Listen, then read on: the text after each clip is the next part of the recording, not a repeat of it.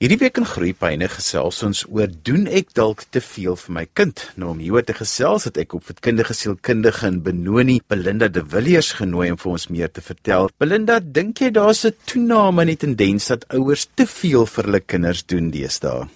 Ja, goeiemôre Johan en die luisteraars. Weet jy ons vind in die praktyke en in die skole dat daar wel 'n tendens is dat ouers al hoe meer vir hulle kinders probeer doen. En ek dink dit gaan ook oor die druk wat ons kinders ervaar in die skole. Daar's 'n boek wat uitgekom het en die titel van die boek is The Manual That Never Came With Your Child. Maar ongelukkig het hierdie boek nou nooit met elke liewe kind gekom nie en Nou moet 'n ouer vir homself afvra, met die druk wat hulle ervaar op skool, is ek besig om te veel te doen vir my kind? En is ek besig om my kind dan hulpeloos te maak? Aan ons doel as ouers is maar tog om onafhanklike kinders groot te maak. Jy weet wat die groot mens wêreld kan betree met selfvertroue en 'n positiewe selfbeeld. So beslis is daar 'n tendens, ja Johan. Belinda, as ons die term sê ons doen te veel vir ons kinders, wat bedoel ons presies daarmee dat mense kan weet op watter bladsy is ons vandag? Ons kan dit definieer tussen oorbetrokke ouers en 'n helikopterouer. Nou die oorbetrokke ouer is die ouer wat te veel vir sy kind doen. Maar wat dit nou tot die gevolg het, is dat hierdie kinders baie keer onderpresteer en onderfunksioneer. Want wat die ouer doen, is dat die ouer die rol van wat die kind moet vervul eintlik oorneem. So die ouers sal skooltake vir kinders voltooi.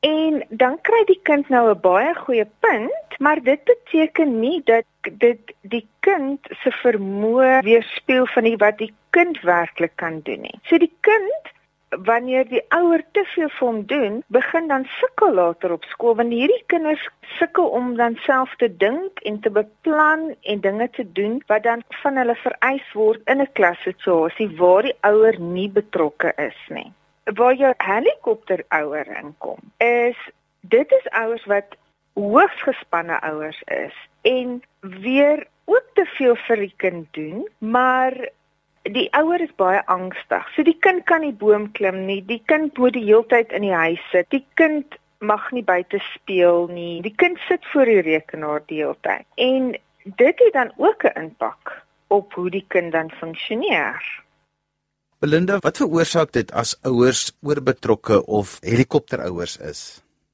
Hierso wil ek bietjie graag met die ouers self praat dat ouers bietjie introspeksie vir hulle self doen want ons vind dat baie keer is dit ouers wat hulle waarde as mens aan hulle kind se prestasie of vordering meet. So wat dit nou beteken is dat as my kind goed doen op skool, beteken dit ek is 'n goeie ouer. Maar as my kind swak doen op skool, beteken ek is 'n slegte ouer. So hulle meet hulle ouerskap aan hoe hulle kinders vorder op skool. En dit is nou daar waar 'n ouer moet gaan kyk. Gaan dit oor my eie behoeftes wat vervul moet word? Ja, en dan vandag se ou gejaagde lewe het ons, jy weet, ons is dalk bietjie laat vir skool, so Mamma help gou aantrek, maak veters vas, kamare, pak tasse en hierdie kinders leer net nie om dit self te doen nie. En Dit is vaardighede wat kinders nodig het om te kan presteer op skool. En jou helikopterouer het 'n onderliggende angstigheid wat dan oorspeel na die kind toe.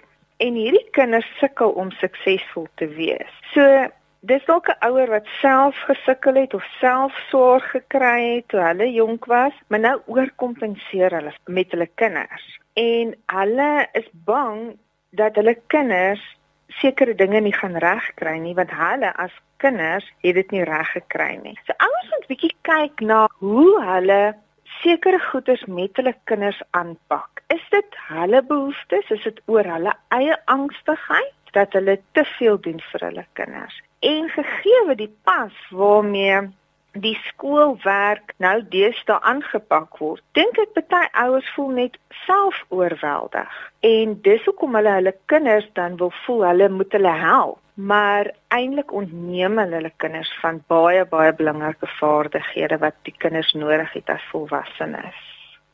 Belinda, 'n scenario wat in baie huise afspeel is, is dat pa moet nou vinnig terugkom want die kind se tegnologie taak moet gedoen word en pa moet nou help met die tegnologie taak. Wat is daai balans tussen pa moet kom help? Ons kan nie eintlik begin voor pa nie hier is nie en wat die kind self moet doen.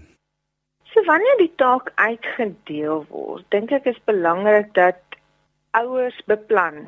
Ouers moet saam met kinders beplanning doen en hulle moet besluit hierdie is wat die kind gaan doen en dat die kind dan sekere goed reeds in plek het voor pappa by die huis kom. As dit dan 'n spesifieke taak is waar die se kind kan self aangaan, dan moet die ander ouer die kind aanmoedig om van daai goeie self te kan doen. Want as pappa by die huis kom, pappa moet alles doen. Wat het die kind dan geleer deur om die taak te doen. Eintlik niks, want pappa het alles gedoen. So beplanning is baie belangrik hierso. So wanneer die taak uitgedeel word, besluit wie verantwoordelikheid is vir watter ouers en wat moet die kind doen. En hier moet ouers weer eens seker maak dat kinders verantwoordelikheid vat om huiswerk baie self te doen en om take self te doen. En dis 'n tendens wat ons sien waar die ouers die take doen.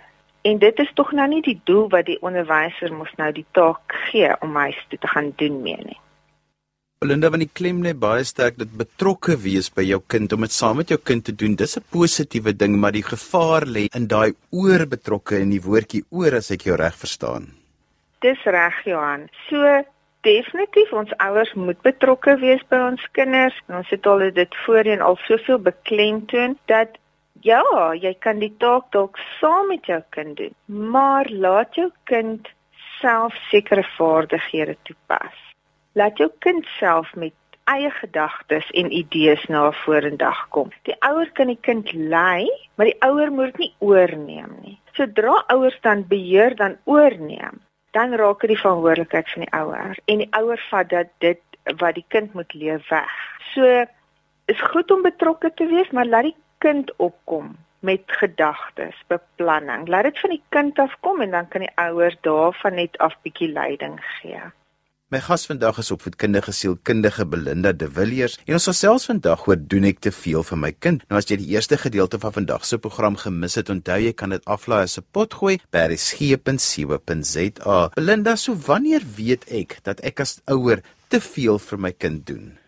Johan, wanneer ouers eenvoudig net beheer neem en planne maak sonder die bydrae van die kind. En ouers dinge net doen wat die kind eintlik reeds moes al bemagtig het. So hulle vriende kan reeds seker vaardighede doen, maar hierdie kind sukkel nog met daai vaardighede omdat die ouer die hele tyd dinge vir die kind doen. Dis nogal baie interessant. Ek wil net terugkom na daai helikopterouers. Die navorsing wys dat omdat hierdie ouers so gespanne is, wil hulle die hele tyd hulle kinders in die huis hou. En dit is 'n groot risiko vir oorgewig kinders. Dit was nogal baie interessant wat daai navorsing gewys het dat hierdie kinders dan soos ek voorheen gesê het baie voor die rekenaar spandeer en die ouer eintlik nie besef die implikasies van dit nie. So die angstigheid maak dat die kind dan deeltyd in die huis sit en dan tot oorgewig kan lei. Baie kinders wanneer hulle kinders sukkel, dan sal hulle die werk dan liewer self doen en voortgaan as wat hulle liewer die kind hulp gee leiding gee, aanmoedig, bietjie toesig hou, maar laat jou kind 'n bietjie sukkel om sy eie werk te doen. Moenie die hele tyd jou kind wil red nie. Help jou kind, lei jou kind. Dit bring my nou by 'n baie interessante verskynsel wat ons gereeld sien. Boeta of Sissa het nou 'n sportsak by die huis vergeet. Die volgende oomblik kry die ouer oproep: "Kind is hysteries, bring asseblief my sportsak, ek het dit vanmiddag nodig." Onmiddellik spring die ouer in die kar jaag skool toe. Maar as die ouer nie die sportsak vat vir die kind nie, gaan dit meer 'n verantwoordelikheidsin by die kind kweek om volgende keer wel seker te maak dat ek my sportsak in pak. Want nou gaan die kind die verantwoordelikheid moet dra wat nou saam met dit gaan kom. So ja, jou kind mag dalk raas kry by die skool, maar dit leer jou kind om volgende keer te onthou om wel sy sportsak in te pak. En natuurlik dan baie ouers voel skuldig. Hulle voel skuldig oor dinge wat selfs in hulle lewe verkeerd geloop het, maar nou sit jy met kinders wat so bietjie baasspelerig is en veel eisend en hulle dring daarop aan dat ouers seker goed met hulle doen. Dit is wanneer die ouers dan oorneem. En dan die terugvoer wat die kind eintlik op 'n sielkundige vlak kry is jy as my ouer glo nie in my dat ek hierdie goed self kan doen nie. Ek praat altyd van gehoorsame ouers. Jy weet die gehoorsame ouers is die wat alles vir hulle kinders gee wat hulle wil hê. Hulle doen alles wat hulle kinders vra. Hierdie kinders word dan baie veel eisende kinders en na mate hulle groter word, word hulle ongehoorsamer en eintlik meer onverantwoordelik. So ouers moet bietjie kyk hoeveel van dit is eintlik wat hulle saam met hulle dra van hulle eie kinderjare.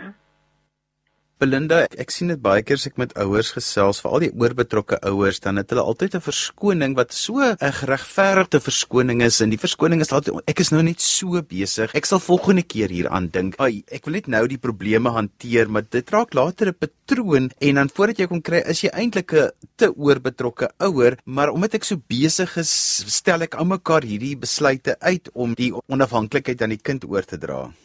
Daar kom dit weer terug na beplanning skole behoort 'n voorafgaande beplanningslys te gee waar al die aktiwiteite of take wat ingehandig moet word, behoort op die lys te wees sodat die ouer dit reeds voor die tyd kan kry. Die ouer kan dan sit saam met die kind en dan beplan teen watter datum hulle hierdie goed gaan kan doen. So ouers moet ook betrokke raak daar waar hierdie tipe van lyste reeds lank voor die tyd uitgedeel word. Sit 'n naweek saam met jou kind en beplan vooraf. Dan sal die verskoning, jy weet, ek het nie tyd nie, kom ek doen dit liewer gou self ensovoorts. Dan is dit eintlik net 'n verskoning, want beplanning is die groot kritiese woord wat hierso van belang is. Belinda, wat is die nadelige effek om 'n oorbetrokke of 'n helikopterouer te wees by jou kind? Wat veroorsaak dit en wat is die nagevolge? Groot nagevolge is dat kinders eintlik 'n swak selfbeeld ontwikkel. Want nou by die huis, mamma of pappa nou alles vir myself gedoen en ons sien met die nuwe kurrikulum dat baie van die werk en selfs van die take in die klas voltooi moet word. Nou sit hierdie kind met die dilemma dat hy afhanklik van sy ouers en hy weet nie om hierdie werk onafhanklik te kan doen nie. Met die gevolg is dit kan veroorsaak 'n swak selfbeeld en dat hierdie kinders dan ook hulle selfvertroue word dan geskaad in hierdie proses. Maar nou sit hulle in 'n klas en dit is gewoonlik die kinders wat kort kort hande opsteek. Juffrou moet kom help ek kan nie hierdie goed alleen doen nie. Juffrou het 30 ander kinders in haar klas. Sy kan nie die hele tyd by daai kind sit nie. En so begin die kind angstig te raak, want die kind is nie geleer om onafhanklik te kan werk nie. En dan word hierdie kinders baie keer baie gefrustreerd in die klas en hulle ervaar die skoolomgewing as 'n bedreigende omgewing omdat hulle onafhanklik moet werk. Dit sprei dan verder voor selfs deurentyd na wanneer hulle volwassenheid bereik. Hierdie kinders sukkel dan ook self soms om 'n werk te behou want in hierdie werk word dan nou vereis dat hulle onafhanklik moet kan funksioneer en wanneer ouers te oorbetrokke was met hulle kinders en selfs op hoërskool het ek dit al self gesien dat ouers net eenvoudig te veel doen vir kinders dat daai kinders sukkel as volwassenes om werke te behou. En onder andere as iets in die familie gebeur het, sê maar daar's 'n dood van 'n ouer, dan wil 'n ander ouer soms te veel oorkompenseer en dan doen hulle eenvoudig te veel vir daai kinders. As gevolg van hulle kry die kind jammer, hulle dink hulle wil daai swaar kry vir die kind spaar, maar eintlik is dit net die teenoorgestelde. Belinda, so wat kan ouers anders doen om hulle kinders meer onafhanklik groot te maak? Jong Johan, Ons staan nie eendag op op die ouderdom van 13 en besluit, goed, van vandag af gaan my kind nou onafhanklik begin funksioneer nie. Dit begin eintlik met 'n kleintjie so oud soos 1 of 2 jaar oud, waar mens reeds kan vir 'n kleintjie verantwoordelikheid leer om sy speelgoed net 'n bietjie weg te pak. Skoolgaande kinders behoort hulle eie tasse te kan pak. Hulle behoort hulle eie take te kan beplan en self navorsing te kan doen. Die ouers kan saam idees gee. Ek weet sommige woorde is dalk baie keer moeilik om te vertaal, maar moenie alles net wil oorneem nie. Help liewer die kind. As dit die kind se verantwoordelikheid of probleem is, moet hy van kleins af leer hoe om dit te hanteer, op te los en dan die gevolge te dra. En dit bring my weer terug by kinders wat goed vergeet by die huis. Die ouers kan nie hierdie kinders die hele tyd wil red nie. Die kinders moet leer om hulle gevolge te dra.